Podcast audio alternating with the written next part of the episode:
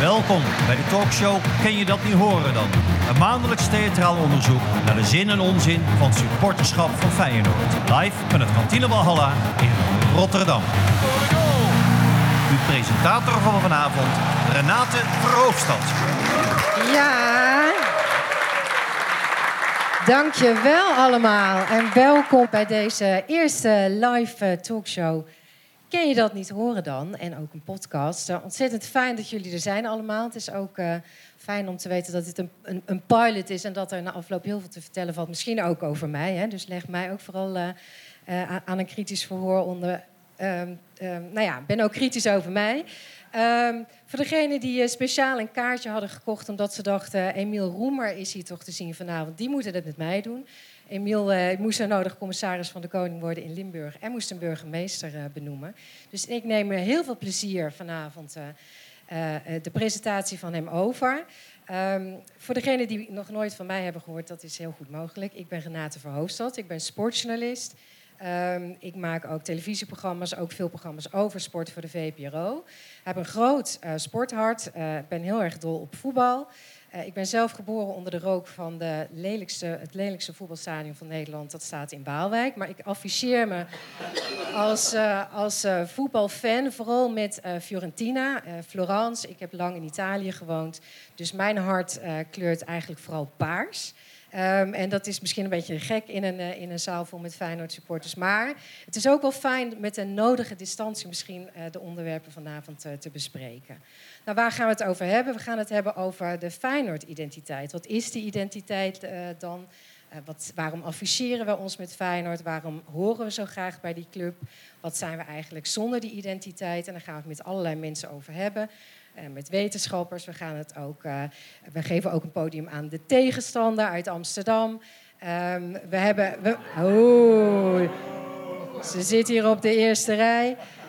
We gaan er ook vooral een hele vrolijke avond van maken. We hebben muziek van de buschauffeurs van, uh, van de RET. dus het wordt vooral een hele vrolijke avond. Maar we gaan nu op de eerste plaats eens duiken in, uh, in, in het thema identiteit. Wat is die identiteit van Feyenoord dan? En daarvoor zijn voor ons speciaal in de archieven gedoken onze eigen Feyenoord-archivaris, Paul Groenendijk, kom lekker naar voren. En redacteur van de show Elle Mannes. Geef ze een hartelijk applaus.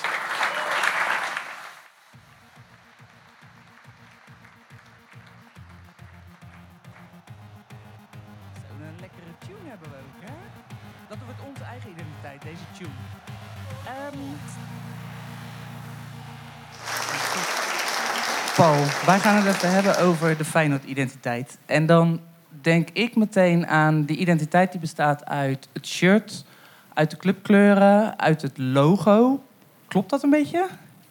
Ja, dit zijn trouwens zulke lastige vragen dat ik daarvoor oh ja, ja. mijn wetenschappelijke pet op moet zetten. Ja, nou ben je er weer. Dank ja, je. dan ben ik gelijk in de mood voor de, voor de, voor de, de diehard geschiedenis van Feyenoord. Ja, wat jij noemde, het shirt, het logo, ooit anders geweest. En uh, dat, dat, die, die clubkleuren, dat is echt Feyenoord. En het gekke is dat al die dingen eigenlijk vrij ja, toevallig zijn ontstaan. Eigenlijk elke traditie is natuurlijk ooit door iemand bedacht. Maar de meeste dingen zijn gegroeid of heel toevallig ontstaan. Om maar eens te beginnen met de clubkleuren. Ga je mee naar het stadion, naar de club van geel en zwart? Wacht ja. even, die moet je nog een keer zeggen. Geel en zwart. Ja, in uh, 1912 uh, pas. Ja, we gaan ver terug. Hadden we een clubje, eerst heette Feyenoord Celeritas. En in 1912 pas uh, hebben ze hun shirt veranderd. Ik geloof dat de volgende ook komt. Ja, dan zie je dat er nog één is die geen geld had. Uh, hoe kwam dat? Uh, hoe kwam zoiets tot stand? Nou, het is onbekend waarom uh, dat rood en wit gekozen is. Het is wel bekend dat het allereerste shirt van Feyenoord is gekocht bij sporthandel Dekkers aan de Botersloot. Midden in de stad? En dat was een shirt van een bekende Engelse club. En vermoedelijk zijn ze in 1912, toen ze besloten we moeten nieuwe shirts hebben, daar weer naartoe gegaan. Uh, het moest natuurlijk op voorraad zijn, moesten minimaal tien van die shirts hebben om te kunnen spelen. Misschien was het een uitverkoopje, het kan zijn. Het waren arme arbeidersjongens. Maar toen is dat rood en wit uh, gekozen. Het is, uh, rood en wit komt heel veel voor in de, in de voetbalclubs. Maar de, de asymmetrische shirts van Feyenoord zie je, zie je weinig. Uh, Slavia Praag, waar we natuurlijk vorig seizoen vier keer tegen gespeeld hebben, die hebben hetzelfde shirt. Het is een oudere club. Maar of dat shirt zo oud is, weet ik niet. En in Nederland had de ZFC uit Zaandam had dezelfde shirts. En die, uh, die nieuwe shirts, ja, we... Ja, nee, ga vooral Ja, dat is ook wel leuk. Eén seizoen, uh, kort na de oorlog, waren de shirts verkeerd omgeleverd. maar, maar er was geen geld om nieuwe te bestellen. Dus een jaar lang uh, hebben ze zo gevoetbald. Maar waar was nou die omslag van die geel-zwarte uh, shirts naar de rood met witte? Waarom ja, dat, dat kwam omdat Feyenoord heette uh, toen Celeritas. Feyenoord heeft ook nog Wilhelmina geheten en HFC, Hillesluisse Voetbalclub. En Feyenoord promoveerde in 1912 van de Rotterdamse Voetbalbond naar de Nationale Nederlandse Voetbalbond. En er was al een Celeritas, dus er moest een nieuwe naam komen. En toen is er een vergadering geweest uh, van de leden. Wat waren is, de opties? Uh, nou ja, om er eentje te noemen. Hand in hand, kameraden, hand in hand. Voor Mars 1. Mars was een van de mogelijkheden. Nou, dat slaat niet echt aan. Twee stemmen. Het zuiden, vier stemmen en 21 stemmen voor Feyenoord. Hé, hey, maar nu zie ik dus een link. Daarom zingen wij dus allemaal nu hand in hand voor Feyenoord 1. Is hand in hand echt iets wat bij onze identiteit hoort? Is dat echt van ons? Uh, nu wel, maar ooit was hand in hand hey, ik zie het een, uh, een algemeen voetballied vergelijkbaar met uh, na na na na hey hey, waar je elke naam in kunt vullen werd overal in Groot Rotterdam gezongen, bij Coal, bij SVV. Maar in 1961 is het voor het eerst op de plaat gezet met coupletten voor Feyenoord. Door Jackie van Dam, ja. Jaap Valkhoff, ja, we Ja. kennen het allemaal. Wereldberoemd. En die hebben het ook eh, vastgelegd bij de Buma Stemra. Dus die dus Feyenoord is wel de eerste officiële hand-in-hand versie. Mhm. Maar tot ver in de jaren 60 werd het nog bij andere clubs ook gezongen. Noem nu niet een- meer. Voor de Ja. podcastluisteraar, noem eens een andere club waar het gezongen werd. Ja, Amsterdamse Arie eh, is misschien genoeg eh, om dat te zeggen. Het is niet om aan te horen. Het is nogal misleidend. Ja. Oké, oké, maar ik hoor dus nu, wij zijn op zoek naar identiteit en ik hoor alleen maar toevalstreffers. Ja. Waarop baseren we dan onze identiteit? Nou ja, als je maar lang genoeg vasthoudt aan die toevallig ontstaande rituelen, tradities... Ja, dan worden ze op een gegeven moment in beton gegoten. Ja. Ja. dus daar moeten we het dan maar mee doen. Want een bestuurder kan overal werken, een, een, een, een speler kan overal spelen. Dus het maakt eigenlijk geen ene reet uit. ja, het is nu dit seizoen bijvoorbeeld. eh, we hebben, ik denk, iets van zeven nieuwe spelers die dan. Ja, zo gauw ze dat shirt aantrekken, horen ze erbij en juichen wij ervoor. Ja, ik, ik, als ik ze op straat tegen zou komen, de meeste zou ik niet herkennen, moet ik toegeven. Maar, Moet nog even oefenen. maar je ziet wel bijvoorbeeld de bestuurders en, eh, en voetballers zelf, die gaan net zo makkelijk eh, ergens anders spelen. Ja, en dan staan ze ook eh, zo. Trots Ja. op hun shirtjes. Ja. Oké. Hey, ik, eh, ik heb er ook nog eentje. Misschien is deze leuk voor de zaal. Over dingen die, die karakter zijn van de club. Wij zijn de Club van Zuid. Even een gokje vanuit de zaal. Hoeveel mensen op Zuid denken jullie dan een seizoenkaart voor Feyenoord hebben? Even sturen. Gooi eens, wat, gooi eens wat op. Hoeveel mensen op Zuid hebben een seizoenkaart van Feyenoord? 10.000 hoor ik. Biedt er iemand meer? Vijf, vijf, 5000. We gaan omlaag. We gaan omlaag al. Zes. Ik hoor, ik hoor hem ergens in mijn, in, mijn, eh, in mijn ooghoek hoor ik het juiste antwoord. Bijna, meneer? Ietsje lager. 2000 mensen hebben slechts een seizoenkaart hier op Zuid. En dan ben ik nog even benieuwd, aangezien we hier op Zuid zitten op dit moment. Hoeveel van die eh, mensen zitten die hier in de zaal die een seizoenkaart hebben en op Zuid wonen? Nou, ik vind ons aardig vertegenwoordigd hier zo. Ehm, feit blijft dat het verwarrend is wat de identiteit is van Feyenoord. Dus ik denk dat, we, dat wij het woord maar moeten gaan geven aan Renate. Ik heb er nog één. Ja, nog eentje dan? Ja. Dat is wel heel bijzonder. Ja. Eh, vooral in Engeland eh, worden al die clubs steeds overgenomen door nieuwe eigenaren. En eh, bijvoorbeeld Cardiff City, bijgenaamd de Bluebirds, speelde altijd in het blauw. Werden eigendom van een Thaise multimiljonair die van rood houdt. En die wilde dat ze in het rood gingen voetballen en de Red Dragons gingen heten. Nou ja, dat eh, heeft tot enorme problemen geleid. En uiteindelijk voetballen ze gewoon, weer in het blauw. Maar hij heeft wel dat kleine dingetje erbij. eh. Een kleine overwinning. Hij heeft een draakje in het logo weten te zetten. Ja. Ik ben benieuwd waar wij heen gaan met Feyenoord in de toekomst. eh, qua logo's en kleuren. en eh, misschien in het roze of zo. Geef ze een hartelijk eh, applaus. Ellen Mannings en eh, Paul Groenendijk. Da dankjewel, professor Paul Groenendijk. Maar we gaan nu even het woord. We gaan naar voren halen iemand die er ook echt voor heeft doorgestudeerd. Eh, hij is eh, hoogleraar eh, sportgeschiedenis hier aan de Erasmus Universiteit. En heeft ontzettend veel onderzoek gedaan naar, de, ja, naar sport, identiteit en loyaliteit. Geef hem een hartelijk applaus. Ik heb gehoord dat als je hem één keer de hand hebt geschud, dat je hem Gijs mag noemen. Gijs Oonk, kom naar voren. Ga lekker zitten. Dankjewel. Ehm, ja, Gijs. Ehm, ik heb ergens in een... in een je zit hier trouwens... eh, wa- wanneer was deze foto? Ik denk eh, vorig jaar een keer aan, aan het eind van het seizoen. Je kon iets vrolijker met, eh, kijken. mijn eh, hele goede vriend Mark. Al meer dan 20 jaar. Ik woon niet op Zuid, maar al meer dan 20 jaar kom ik heel graag in de Kuip. En mijn vrouw Karin.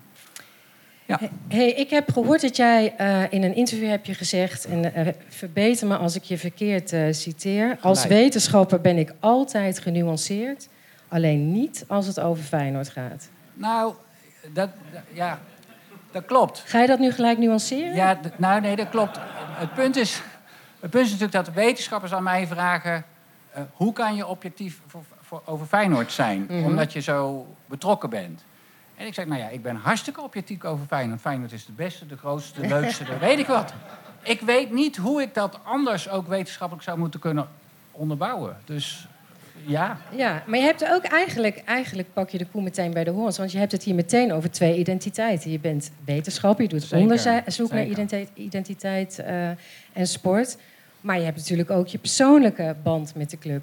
Ga eens terug, eh, terug eh, neem ons een beetje mee in het verleden... en ga eens terug naar die eerste keer dat jij de poorten van Feyenoord van de Kuip binnenstapte... of dat je een wedstrijd zag. Of hoe, hoe is dat gegaan? Hoe is die liefde ontstaan? Nou, ik ga naar een ander moment terug. Ik had enorme ruzie met mijn vader. Ja. En mijn vader is voor daar. En ehm, eh, ik ging spelen met eh, vriendjes op het speelplein en we moesten eh, teams maken. En ik wilde gewoon tegen mijn vader voetballen. Hmm. Dus daar, en toen was Feyenoord en die andere club, dat waren de grote clubs. Dus wij maakten als jongetjes van zeven twee teams. En ik was Feyenoord en dat is niet veranderd. Er is een soort van compromis gekomen ooit dat mijn vader heeft mij ook meegenomen naar het voetbal. Eh, maar wij woonden vrij ver van Amsterdam, dus dat werd Utrecht en dat was leuk. En toen stopte dat toen de rellen ook eh, kwamen met eh, hooligans en weet ik wat. Toen wilde hij daar geen 12-jarig jongetje tussen de Hmm. fietsenkettingen en de weet ik wat meenemen. En de grap is dat toen ik in Rotterdam ging studeren, toen heb ik mijn vader weer meegenomen naar het enige echte stadion in Nederland. En dat is het ook wel weer goed gekomen. Maar, de- Maar dat zijn de roots van eh, mijn identificatie met. eh, Maar, maar daar moet meer over te vertellen zijn. Er moet Ja. toch toch iets zijn dat jij je thuis voelde op die plek? Of dat, dat- dat- dat- waar zat het hem in dat jij dacht, ik, ik hoor bij deze club mensen thuis? Of ik hoor bij deze club. Nou, ik vond eigenlijk eh, de vorige spreker, die zei het al heel mooi. Op het moment dat je een, een aantal dingen die min of meer toevallig zijn, een paar keer hebt gedaan, Mhm. dan is het set in stone. Dan wordt het vanzelfsprekend, dan wordt het een, een, een gewoonte en die gewoonte wordt onderdeel van jezelf. En heel vaak werkt dat bij eh, identiteit en identiteitsvraagstukken werkt dat ook zo. Ik zeg altijd, identiteit komt van het werkwoord, het is ook echt een werkwoord, identificeren. En als we geboren worden, dan identificeren we ons eerst met onze vader en onze moeder. In de meeste gevallen. Mhm. In de meeste gevallen ook gewoon allebei. En mannen misschien wat meer met hun vader en vrouwen misschien wat meer met hun moeder, om allerlei redenen. Mhm. Maar dat zijn je eerste twee grote voorbeelden. En daarna worden het je vriendjes en je vriendinnetjes en de omgeving waar je oproept en de taal die je leert. En al die dingen samen maken dan iets. Maar het is iets actiefs wat je doet, wat ook min of meer toevallig is en wat ook heel erg kan veranderen. Mhm. Als je, nou ja, weet, als je, eh, eh, als je geadopteerd wordt, heb je opeens andere ouders. En ga je op een andere manier identificeren. Als je gaat verhuizen, identificeer je met een nieuwe straat. Als je, nou, dat soort dingen zijn dus ook veranderlijk. Dus aan de ene kant heb je dat idee dat identiteit is set in stone, is, is vaststaand en onveranderlijk. Dat is een heel krachtig iets van identiteit. Dat is ook de identiteit die willen we soms echt beschermen zelfs. En eh, nou, daar gaan we so- sommigen van ons ook voor op de vuist. Ehm, maar de andere is eigenlijk veel fluïde, is veel meer overdraaglijk, kan ook van het een naar het ander. En dan niet zozeer in extreme van noord naar zuid of oost naar west, maar wel gradueel. Nou, nou doe jij onderzoek naar dit thema, heel specifiek identiteit en, eh, en sport. Wa- waarom is dat als onderwerp voor de wetenschap zo interessant? Ehm, ik denk dat dat voor de wetenschap interessant is, omdat ehm, bij voetbal, eh, maar bij heel veel sport, worden eh, dingen die primair op straat of ergens anders gebeuren, enorm uitvergroot. En iedereen heeft het erover en iedereen heeft er een mening over. Dus ik hoef er niet bij te zijn, maar er zijn heel veel journalisten zoals jij bij die daarover schrijven. En dan heb ik weer bronnen. Weet je, dus het Mhm. is, het is een, een uitvergroot stukje van onze samenleving. En of dat gaat over de verschillen tussen eh, mannen en vrouwen, of hoog en laag opgeleide, of voetballers die wel of niet presteren, of uitgejouwd worden, of weet ik wat. Het is gewoon Mhm. enorm uitvergroot. Iedereen vindt er wat van. En dus kan ik het makkelijk onderzoeken. Hmm. En, en, en, en kun je ook iets zeggen over wat dan uit dat onderzoek eh, komt? Wat is een belangrijke uitkomst van een van de onderzoeken die je hebt gedaan? Ehm, nou, ik heb veel onderzoek gedaan naar eh, sport en nationale identiteit. Dus niet zozeer alleen eh Feyenoord, maar wanneer identificeer je met eh, sporters? Mhm. En daar heb ik me bezig gehouden met sporters die uitkomen voor een land waar ze niet geboren zijn. Ja. Nou, bij voetbal mag, mag je maar één keer switchen van land tegenwoordig. Maar bij de Olympische Spelen mag je bijvoorbeeld meerdere keren switchen van land. En hoe schrijven mensen daarover? Want wat betekent dat voor de landenidentificatie? Aan de ene kant gun je iedereen een goede schaatser dat hij uitkomt op de Olympische Spelen. Dat is het liefst wat hij als individu, als sporter wil. Op het hoogst mogelijke podium presteren. Maar aan de andere kant, als hij een Nederlandse opleiding heeft gehad en hij komt uit voor België, dan begint het al een beetje te schuren. Dan denk je, nou ja, maar in zijn hart is hij wel een Nederlander. Dus dan probeer je je nog steeds te identificeren. Ehm, nou ja, daar zijn veel voorbeelden van. En, en wat zorgt er dan voor dat wij ons eh, meer of minder met een sporter identificeren? En dan heb Ja. je bijvoorbeeld ook een beetje over de Feyenoord-speler. Ja. Hè? De spelers komen en gaan. Eh, eh, op dit moment bij Feyenoord natuurlijk veel nou ja, spelers met een andere achtergrond. Hoe zit dat vanuit het, het perspectief van de Feyenoord-supporter? Wanneer identificeer je wat makkelijker met iemand of wanneer niet? Nou ja, er zijn eigenlijk twee belangrijke variabelen die steeds terugkomen. De ene is, als sporters goed presteren, dan is het echt heel makkelijk identificeren. Dus echt geen enkel probleem. Dat is echt easy. Ja. I love it. Eh, maar als ze niet goed presteren of ze hebben gewoon pech of het zit tegen om allerlei andere redenen, dan, dan moet je andere karaktereigenschappen hebben. En ik denk dat wij eh, op Zuid, eh, bij Feyenoord, eh, weten we dat eigenlijk wel. Weet je, mensen moeten wel blijven lopen. Mensen moeten wel blijven werken. Mensen moeten niet hun kopje laten hangen en gewoon tot het eind. Maar het is een wisselwerking. Hè? Dus als die spelers dat doen, dan gaan die supporters ook door het vuur. En nou, er zijn genoeg eh historisch voeden, maar ik weet nog op mijn netvlies de Tino verlies bij PSV. Maar ook hoe onze spelers ontvangen werden door hun eigen publiek die wedstrijd daarna.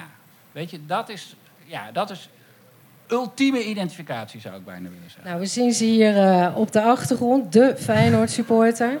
Eh, Bestaat de Feyenoord, bestaat er zoiets als de Feyenoorder, de Feyenoord-identiteit? Wat kun jij daar vanuit jouw eh, perspectief over zeggen? Ja, nou, ik begin altijd bij alle identificatievraagstukken, of het nou de Feyenoorder is, of de Nederlander, of de weet ik wat, dan is het antwoord echt gewoon nee. Maar als je- Helemaal ja. eh, geen, geen, geen splinter, geen flart, geen niet. Nee, ik begin bij nee. Maar Juist. Ik begin bij nee. En dan als je, zeg maar puur... Ik bedoel, er zijn heel veel Feyenoord supporters die komen nooit in de Kuip. Dat zijn andere supporters. Die, maar die volgen wel Feyenoord, die lezen erover en weet ik wat. Maar laten we even de mensen die regelmatig in de Kuip komen. Als je het stadion rondkijkt, dan zie je natuurlijk eh links... Ik zit in Z, dus linksboven bij mij zit het gezinsvak. Dat is waar voor heel veel jonge Feyenoord supporters... de identificatie met Feyenoord ook begint. Dan krijg je, nou ja, wat is het, tussen de 16 en de 25 jaar achter de goals. Misschien ietsjes ouder. Dan krijg je tegenover mij, dat zijn eh, de business seats, eh, de Rotterdammers met geld, eh, weet ik wat allemaal. De mensen die veel te lang in de pauze blijven zitten en dan te laat terugkomen, die. Hebben we die ook waar? in de zaal vanavond? Is toch waar? En zij mogen wel drinken en wij niet. Dat, eh, ja.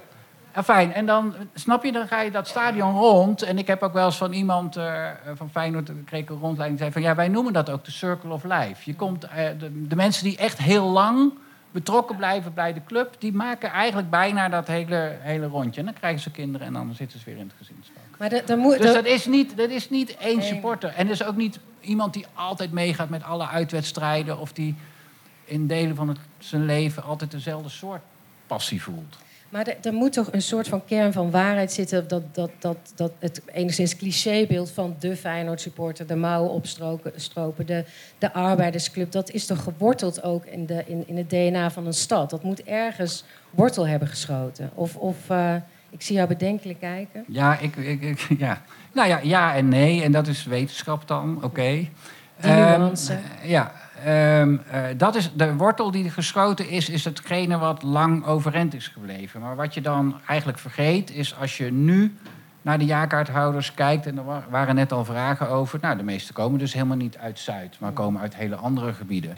Maar ehm, hoeveel mensen hebben al 20 jaar of al 40 jaar een jaarkaart? Dus dat, die mensen die steeds naar de Kuip gaan en zich identificeren met dat logo en die kleuren en die, dat soort dingen, die veranderen eigenlijk ook voortdurend. Net zoals de stad verandert. Ehm, en ook Zuid verandert. En eh, de spelers veranderen. Dus als we over de geschiedenis. eh, eerst hadden we spelers die in Rotterdam geboren waren. Of in Rotterdam en Brabant. En misschien in Zeeland hè, in de jaren twintig tot nou ja, na de eh, Tweede Wereldoorlog. En daarna wordt dat steeds groter. En nu, ja, ik moet er ook aan wennen, al die nieuwe spelers. En inderdaad, als ze het goed gaan doen, dan vind ik ze geweldig. Dat is zo, ja. Ja. ja. Ik, ik wil even met je terug naar de jaren negentig volgens mij. Ik herinner me dat ik toen een boek las, Spel om de bal, van Desmond Morris was Ja. dat. Dat is een, een, een een bekende Britse zooloog. En, en nou, misschien hebben voor die tijd heel veel anderen daar ook over geschreven. Maar volgens mijn gevoel was hij een beetje de eerste die heel erg naar voetbal keek. Ook vanuit zijn perspectief als, als, als wetenschapper en als zooloog. En die de club heel erg zag als eh, een, een, een tribe. Hè? Eh, eh, met het stadion als, eh, als totempaal. En, en, en voetbalspelers als een soort halve heilige die je, die, die je moet vereren. En, en alle rituelen die, die, die daarbij horen, die een bepaald eh, doel eh, dienen. Ehm, het is natuurlijk ook een beetje gemeengoed. eh, we leven in een land dat ontzuild raakt. de kerken lopen leeg. Is het, is het zo dat, dat identiteit en bij een voetbalclub horen en naar een stadion gaan, dat dat ook belangrijker is geworden juist vanwege die ontzuiling? Dat we dat soort plekken zoeken om bij elkaar te zijn en om ergens bij te horen. Geen geloof, maar het voetbal in dit geval. Ja. Er zijn, eh, je raakt precies aan de twee eh, belangrijkste verklaringen over waarom voetbal überhaupt zo populair is geworden. Voetbal is natuurlijk niet altijd overal zo populair geworden. En er zijn ups en downs eh, ook geweest. Maar deze twee, dus het leeglopen van de kerken en daarmee ook het, het verdwijnen van het ritueel op zondag. Op zondag ergens gezamenlijk heen gaan, gezamenlijk zingen. Gezamenlijk, eh, nou ja, wat we bij Feyenoord ook doen bij de eerste openingswedstrijd, de doden van dat jaar. Even herdenken. Er zijn heel veel dingen die echt heel dicht bij bijna een religieuze ervaring eh, komen. Trouwens, een overwinning is ook vaak een bijna religieuze ervaring. Ehm, dit is wetenschap, hè? het is geen humor. Ehm, eh, dus dat is de, de, wat zou ik willen zeggen, de chique eh, eh, verklaring. En de andere verklaring zit heel erg in... Ja, wat zijn eigenlijk mensen? Mensen zijn individuen en mensen zijn in oer ook dieren. En dat is waar jij ook aan raakt. Ja. met dat, en dieren hebben leiders, de silverbacks, de grote chimpansees of de grote gorilla's. Eh, en dat soort gedrag zie je in eh, groepsgedrag bij met name mannen, maar niet alleen mannen moet ik ook zeggen, eh, eh, heel sterk terug.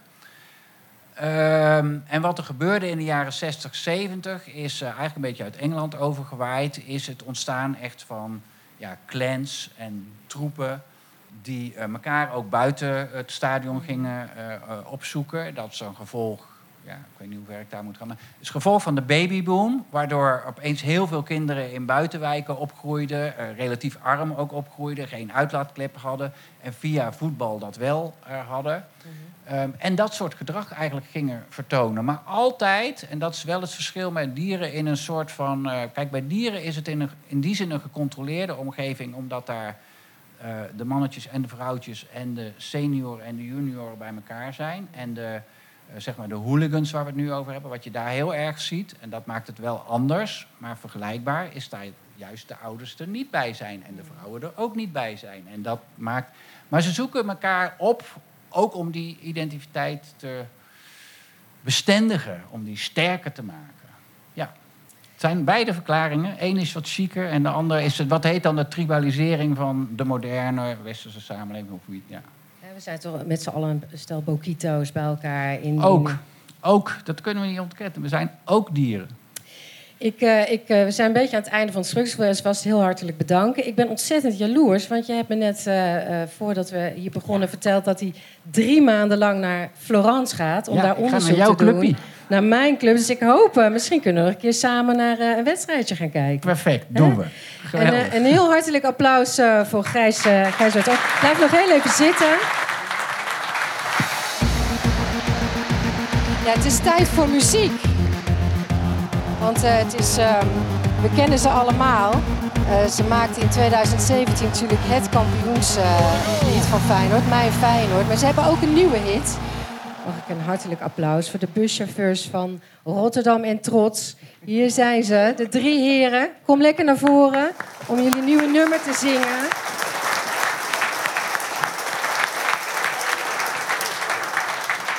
Voel je vrij om op te staan, om mee te dansen, om mee te zingen. Nogmaals een hartelijk applaus. En het nummer heet Het is toch je clubie.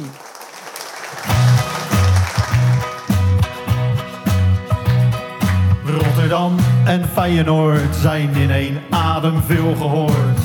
In de Kuip daar wordt gescoord door ons clubie. Ik was vijf jaar en kwam hier aan. Ik zag mensen voor de hekken staan. 10.000 lampen gingen aan. Het werd toen mijn clubie. Het is toch je clubie. Het is toch je clubie. 10.000 lampen gingen aan. Het is toch je clubie. Geluk zit in een plastic stoel. Jij weet precies wat ik bedoel. Het ultieme kuikgevoel van ons clubie. Die trap beklim ik telkens weer. Mijn voeten doen dan ook zozeer. Ik zeg, dat doe ik echt nooit meer. Maar wel voor mijn clubie. Het is toch je clubie. Het is toch je clubie. Ik zeg, dat doe ik echt nooit meer. Wel voor mijn clubie. Keihard werken, weinig poen. Als twaalfde man het legioen. Zo worden wij weer kampioen. Het is toch je clubie. Ze krijgen ons toch echt niet stuk. Want Feyenoord is ons geluk. Koolsingel, straks weer lekker druk. Het is toch je clubie. Het is toch je clubie. Het is toch je clubie. Koolsingel, straks weer lekker druk. Het is toch je clubie. Breng me terug naar het offline. Drijf nat in de fontein. We zingen op het stadhuisplein. Het is toch je clubie. Dan zingt heel Rotterdam weer mee. In de kroeg voor de tv. Achter het stuur bij de RET. Het is toch je clubie. Het is toch je clubie. Het is toch je clubie. Achter het stuur bij de RET. Het is toch je clubie. Het is toch je clubie. Het is toch je clubie. Wij zijn Feyenoord, Rotterdam. Het is toch je... La, la, la, la. Ja, la, la, la. Wij zijn Feyenoord, Rotterdam. Het is toch je clubje. Ja, la la la. Ja, la la la la. Wij zijn Feyenoord Rotterdam. Het is toch je clubje. Ja, la la la la. Ja, la la la. Wij zijn Feyenoord Rotterdam. Het is toch je clubje. Ja, la la la la. Ja, la la la la. Wij zijn Feyenoord Rotterdam. Het is toch je clubje. Yo, dankjewel! Dankjewel. Dankjewel, mannen. Ja, en dan is het nu tijd voor eh, een vaste columniste van de show. Eh, ze hebben het in Milaan er nog over. Hij heeft in 1970 eh hoogstpersoonlijk ervoor gezorgd dat het legioen veilig van Rotterdam naar Milaan kwam. Ehm, hij heeft nou, stapels vol met Feyenoordboeken geschreven. Ehm, en ik wou er ook nog even bij zetten dat de identiteit van een club natuurlijk voor een deel ook wordt bepaald door de geschiedschrijvers, door journalisten, mensen die verhalen doorgeven van generatie op generatie, die daar in de kranten over schrijven. Een hartelijk applaus voor onze columnist Jan Oudenaarde.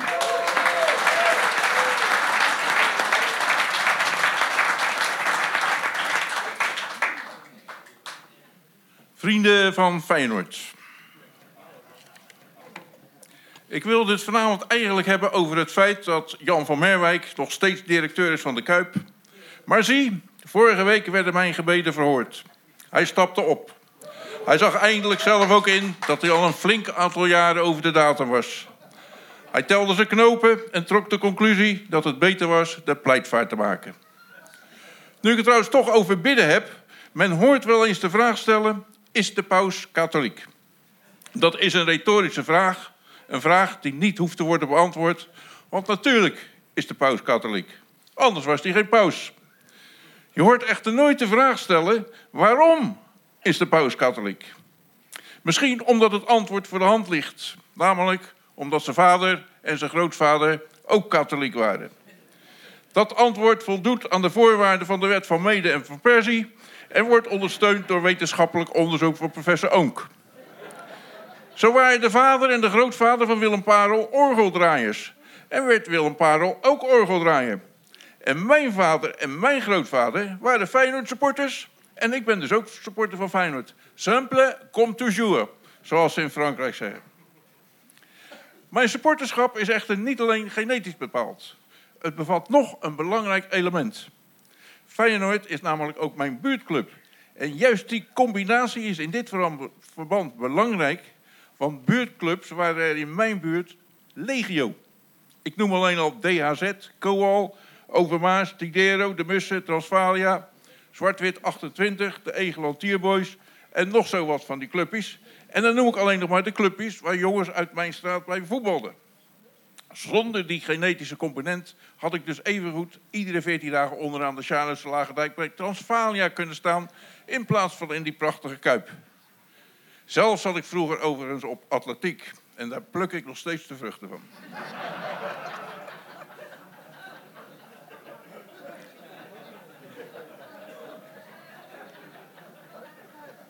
Nu schreef AD-redacteur Wessel Penning enige weken geleden in een column over het feit dat Rotterdam beschikt over drie profclubs in de hoogste afdeling. Feyenoord, Sparta en Excelsior. In West-Europa kan alleen Londen op meer profclubs bogen, maar Londen is dan ook een poepie groter dan Rotterdam. Penning was er erg trots op, maar ik persoonlijk geloof niet zo in de sprookjes over plaatselijke voetbaltrots. In Londen is een supporter van Arsenal er heus niet trots op dat de Spurs en Chelsea ook in de Premier League spelen. Integendeel zelfs. En mij kan het dus evenmin iets schelen dat Sparta ook weer eens in de eredivisie speelt. Nog sterker, ik zou daar geen traan om laten als Sparta aan het eind van dit seizoen degradeert naar de keukenkampioen-divisie.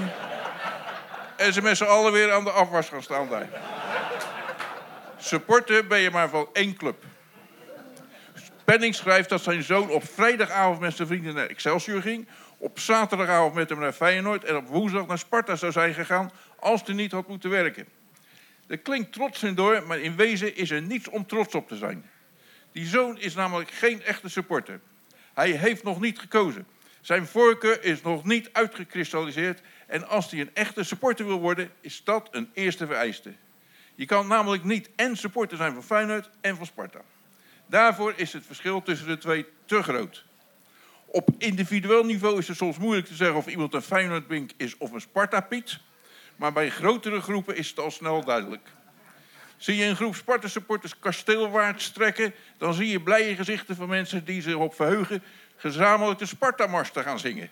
Met het SPERMA als gelukzalige uitsmijter.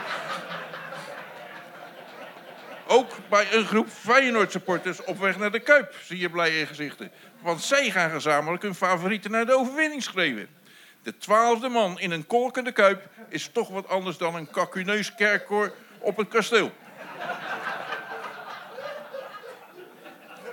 Praktisch is het ook vrijwel onmogelijk om zowel supporter van Feyenoord als Sparta te zijn. Daar komt die zoon van Wessel Penning nog wel achter.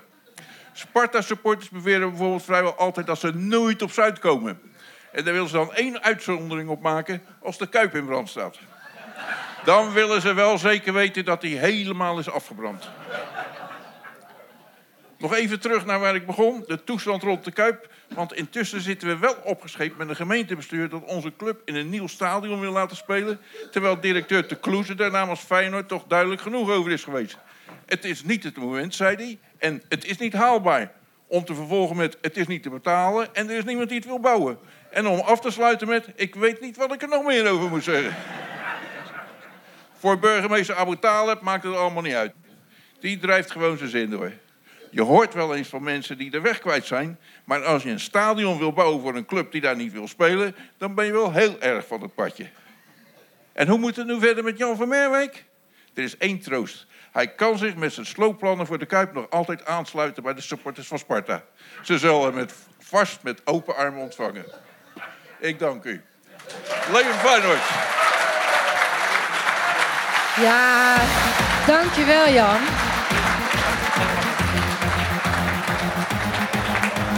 Ja, we hebben, het, uh, we hebben al de wetenschappen aan het woord gehad. We hebben een beetje mee kunnen zingen al. Um, maar de identiteit uh, tot hilariteit. Er is een hoop hilariteit in de zaal. Jan?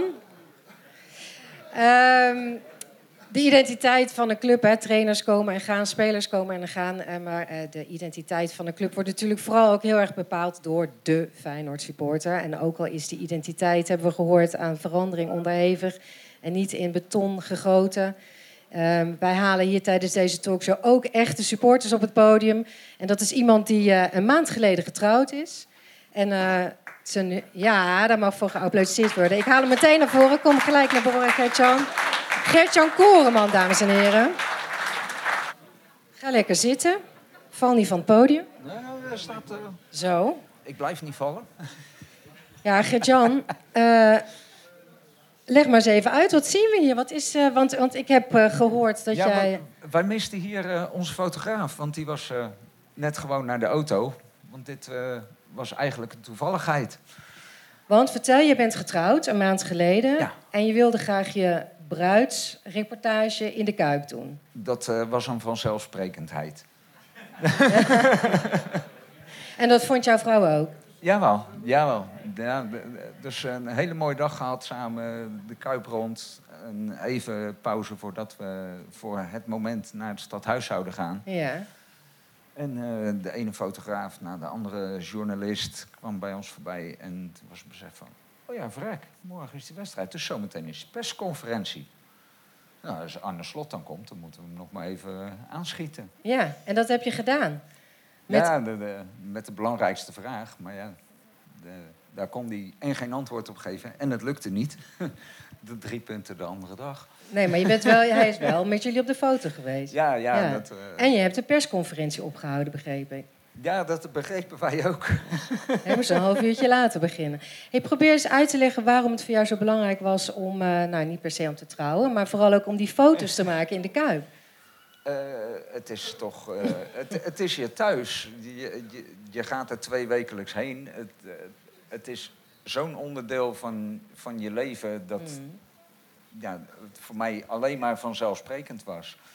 En net als, net als dit, wat nu achter je verschijnt, het in het pak naar de wedstrijd gaan. Dat ja. was voor mij een vanzelfsprekendheid. Want dat, dat heb je vervolgens gedaan, hè? Je bent bij Feyenoord Emmen, ben je in, in bruidsoutfitten. Heerenveen. En hoe, hoe reageerden de, de, de andere supporters erop?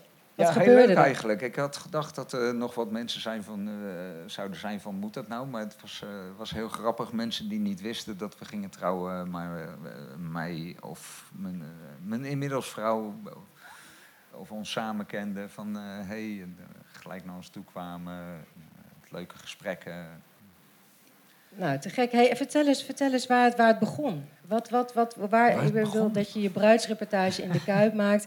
Waar, waar is die, hè, wat was het moment dat jij je identificeerde met die club? Dat je daar thuis voelde? Wat, wat, wat is het verhaal dat is, dat is voor mij eigenlijk geen, geen moment geweest. Mhm. Of het moet, eh, het moet de Europa Cup 1 geweest zijn. Want ik heb eh, als baby in de kinderwagen gelegen langs de route die Feyenoord aflegde richting een stadhuis. Ah. De dag na, na de Europa Toen Cup al. 1. Maar, Maar toen was ik een half jaar en twee dagen oud, dus daar kan ik mezelf niet heel veel van herinneren. Nee, snap ik. Maar wat was dan een, la- een moment later? Want er is, je bent een keer voor het eerst naar de Kuip gegaan. Je hebt daar vrienden gemaakt. Ik weet niet, probeer, probeer Ja, ons een beetje mee te nemen in...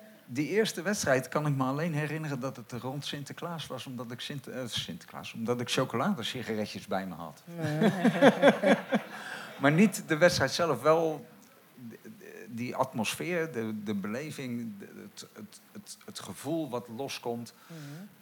Alsof die hoeveelheid mensen één persoon worden. En Mhm. dat heb ik zoveel jaar, eh, jaren later nog steeds. Ja.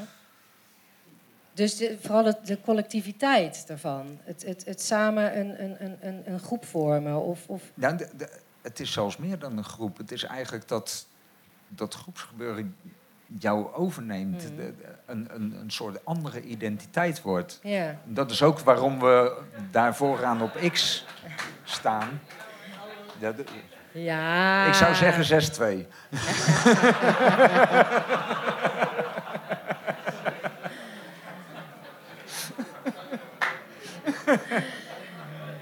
Ja, dus het, is, het, het, betekent veel, het betekent veel meer dan dat.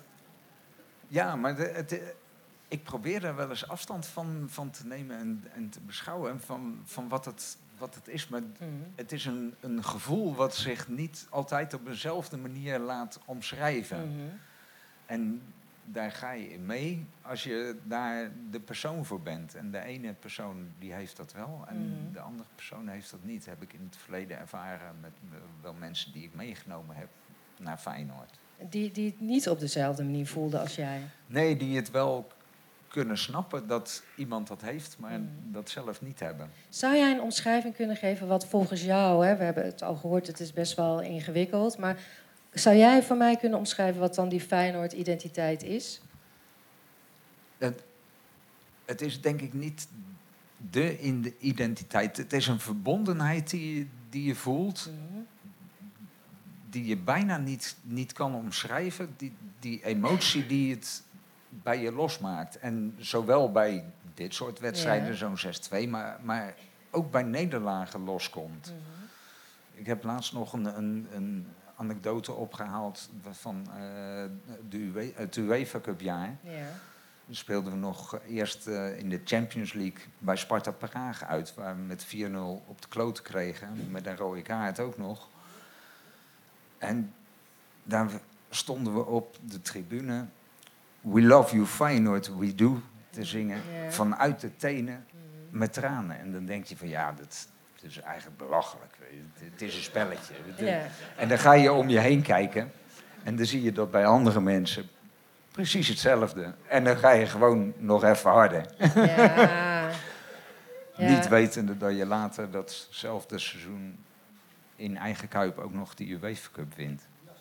Dus dat maakt dan terug. Ja, nee, maar als je, als je dan terugkijkt dat dat in hetzelfde seizoen geweest is. Mm. En dan vertel je heel erg mooi over, over dat dat gevoel gewoon in, in, je, in je huid en, en, en vanuit je tenen en bijna op een onverklaarbare manier eh, je bijna over kan nemen. Is het nou ook voorstelbaar voor jou als supporter dat, er, dat een club iets zou kunnen doen, een bepaalde beslissing zou kunnen nemen, waardoor je ook afstand, afstand kunt nemen weer van die club, of van ik die denk- identiteit? Ik denk dat de club heel vaak genoeg al zijn best daarvoor gedaan heeft.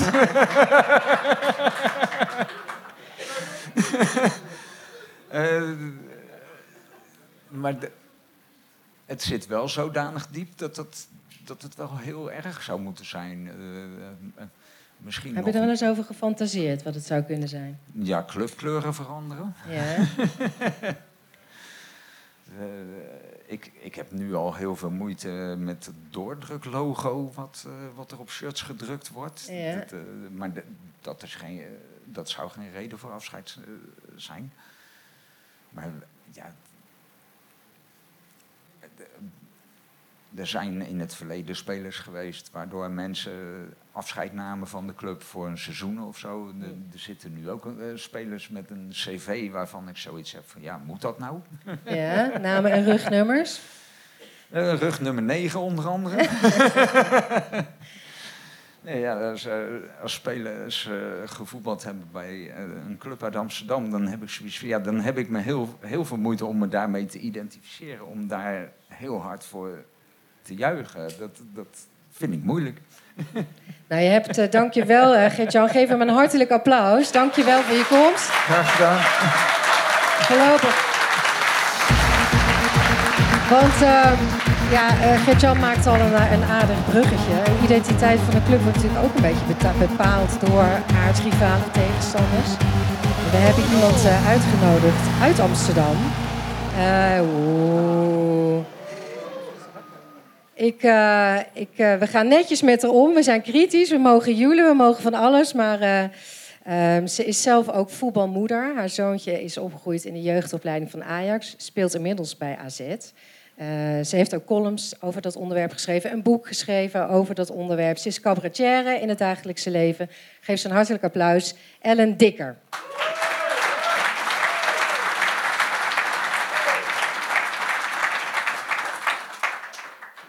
Zo, het is hier veel leuker, joh.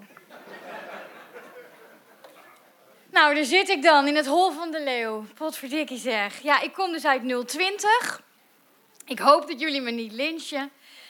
Eh, en ik ben het eigenlijk gewoon met jullie eens. Ik vind die club die daar vandaan komt, ik durf het hier bijna niet te zeggen. Maar het begint met een A en het eindigt op Jax. Eh, ook een arrogante commerciële kutclub. Ja. Maar ja, mijn zoontje speelde daar, dus dan verbind je je toch met zo'n club en uiteindelijk ga je ervan houden. Weet je, als wij in Rotterdam hadden gewoond, was precies hetzelfde gebe- gebeurd. Ik bedoel, Sparta is natuurlijk ook een mooie club. Oeh. Ja, ik voelde hem al aankomen. Na die prachtige column daarnet. Maar goed, ik zit hier dus als Ajax-moeder eh, om iets te zeggen over de Feyenoord-supporter. En dan denk ik, hoe dan? Eh, want tijdens de wedstrijden in de arena zie ik echt alle eredivisieclubs langskomen in het uitvak op één club na.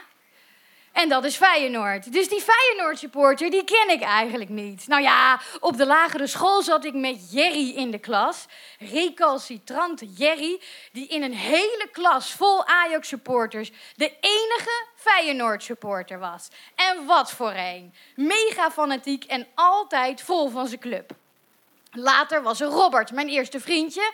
En idem dito, hield niet op met praten over Feyenoord. Had het over niks anders. Het was zo erg. Die club was eigenlijk de reden van onze breuk. Ja, Feyenoord maakt meer kapot dan je lief is, mensen.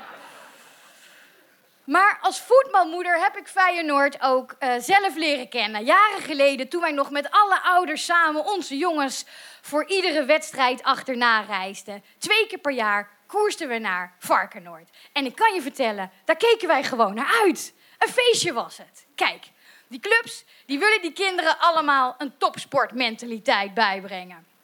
Goed slapen, goed eten, je kent het wel.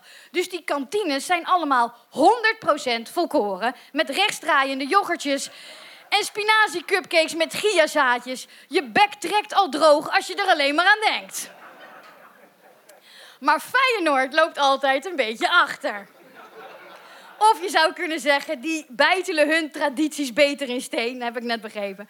Dus als we arriveerden op Varkenoord, hoorden we eigenlijk altijd een vertrouwd geluid uit vervlogen tijden. Een pruttelende frituur. En dat hoort gewoon toch een beetje bij de romantiek van het voetbal. Eh, die derde helft, nat geregend langs de lijn. En dan allemaal aanschuiven aan lange tafels in de kantine voor een warme hap. Dus zodra die heerlijke patatwalm ons tegemoet kwam, was er geen houden meer aan. We keken even schichtig om ons heen of er geen trainer in de buurt was. Want we werden natuurlijk wel geacht om het goede voorbeeld te geven aan onze kinderen. Maar niet veel later zaten we allemaal achter een ouderwets patatje mayo. Liefst nog met een biertje erbij ook. Want ook dat kan op Varkenoord. Uh, en we zijn niet de enige, ontdekte ik. Want als je aan de bar kijkt, dan lijken gewoon wel wat vaste stamgasten te zitten, joh. Het type ome Joop en tante Wil. Die horen gewoon bij het meubilair. Hè? Uh, die, iedereen kent elkaar. Jongen, het is, hier, het is hier gewoon verdorie gezellig. Nou, dat sfeertje kennen we niet in het iets wat kille, hagelwit gestylede Ajax-home. En dat is precies wat Feyenoord voor zo ongelooflijk veel mensen aantrekkelijk maakt. Tenminste, als ik mijn ras Amsterdamse buurman moet geloven. Wederom een hardcore Feyenoord supporter. Want ze poppen gewoon overal op mensen. Het is geen... Uh, ja, verschrikkelijk. Kijk, zegt hij tegen me. Kijk, als je eenmaal één stap in de kuip hebt gezet, dan ben je verkocht. Die sfeer daar, dat vind je nergens anders. Zo, ik ben even mijn Amsterdam helemaal kwijt, jongens. Uh, ja, ik ben helemaal uh, aangestoken hier. Ja, houden zo, ja. Nee, maar dat, even kijken hoor. Amsterdam, ja, die sfeer daar, dat vind je gewoon nergens. Zoals de mensen met elkaar omgaan. Zoals we als één man achter onze club staan. Dat geeft je een gevoel, ja, dat kan ik gewoon niet beschrijven. Weet je, ik bedoel, wat voel jij voor je familie? Dat is het, weet je. Het gaat diep. Het gaat heel diep in je hart. En dat moet natuurlijk ook wel, anders hou je het niet vol, lijkt mij een clubsupporter die zo vaak net niet, zo vaak bijna, zo vaak helaas zat het er vandaag niet in. Zo vaak, wat ging er nou eigenlijk mis deze wedstrijd? Zo vaak, nou ja, volgende keer beter. Dat moet ware liefde zijn. Het Feyenoord-legioen zit vol geloof, hoop en liefde. Iedere nieuwe speler is na één goede wedstrijd de beste van de eredivisie. Hanko, de beste linksback, misschien wel van de wereld.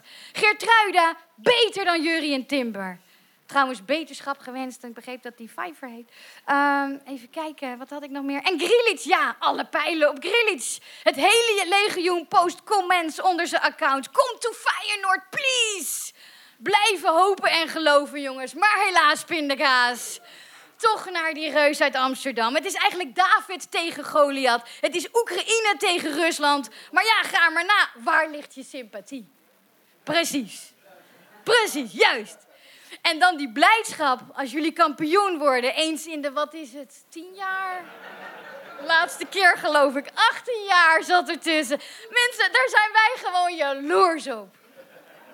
Dat was hem. Ah.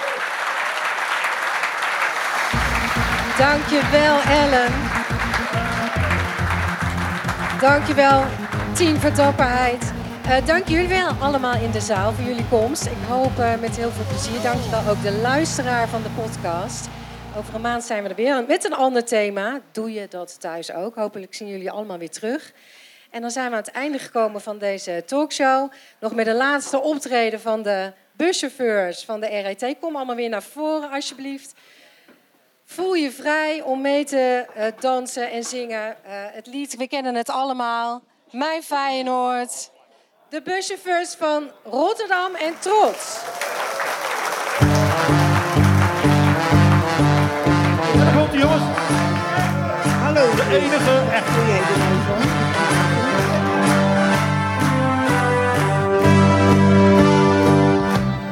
Hier aan de Maas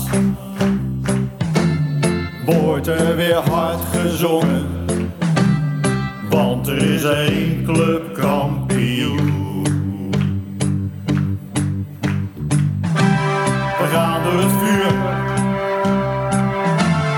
Laten de fakkels branden.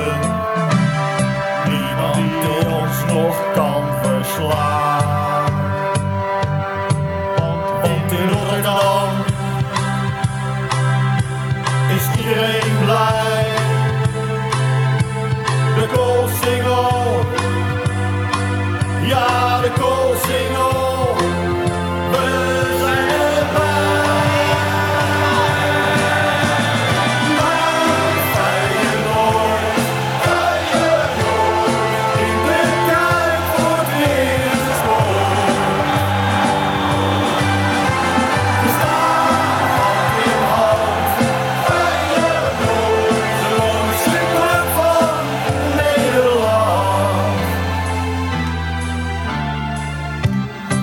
soms gaat het slecht.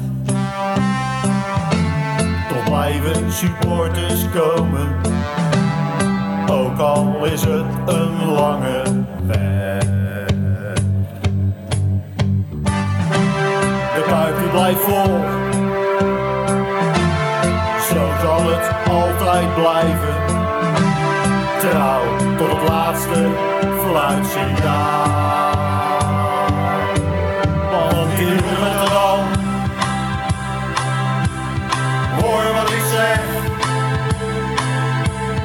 Bij Feyenoord, ja bij Feyenoord,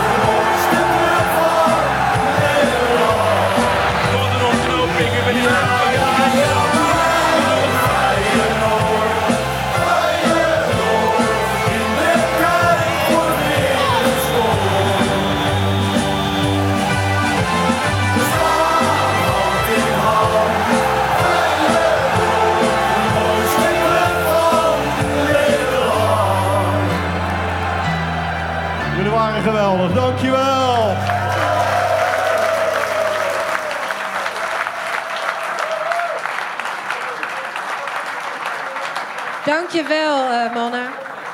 Jullie allemaal bedankt. En eh, nou, beneden nog eh, een drankje allemaal. Dankjewel.